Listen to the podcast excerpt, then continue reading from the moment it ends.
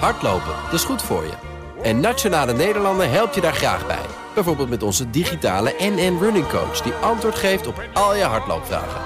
Dus, kom ook in beweging. Onze support heb je. Kijk op nn.nl slash hardlopen. De column van Paul Lasseur. De hoge parkeertarieven in ons land zijn veel winkeliers een doorn in het oog. Vooral in de stad is parkeren de laatste jaren flink duurder geworden... en dat jaagt de klanten weg, betoogt de middenstand. Detailhandel Nederland heeft berekend dat de prijs voor parkeren op straat in vijf jaar tijd gemiddeld met 13% is gestegen. Twee keer zo hard als de algemene inflatie. Een uur de auto achterlaten in een gemiddelde Nederlandse stad kost nu 2,61 euro. Alleen in Amsterdam betaal je 5 euro per uur.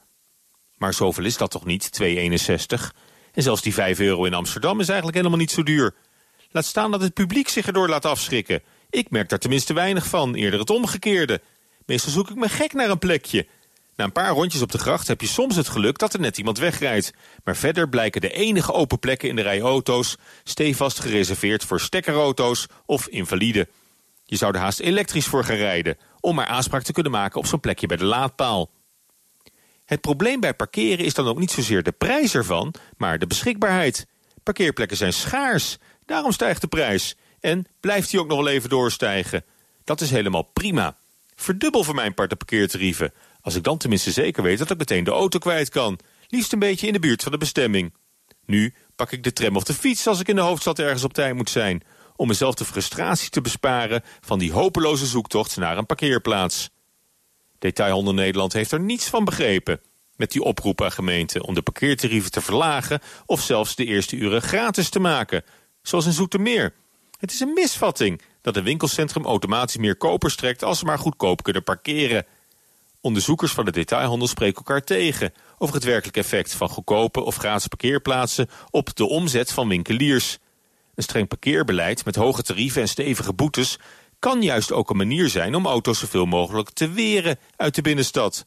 Voor wandelaars en fietsers een verademing, zo'n autoluw winkelgebied. Automobilisten die niet bereid zijn om de hoofdprijs te betalen... die kunnen uitwijken naar goedkope locaties aan de randen van de stad.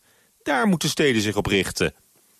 Het beprijzen van parkeergelegenheid in een gemeente... is een subtiel en uitdagend samenspel geworden... tussen alle belanghebbenden, overheid, consumenten en commercie.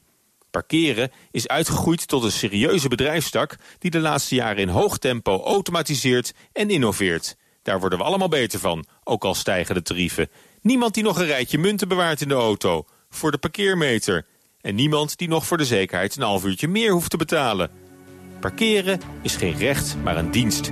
Waarvoor zonder morgen betaald dient te worden. Prettige maandag.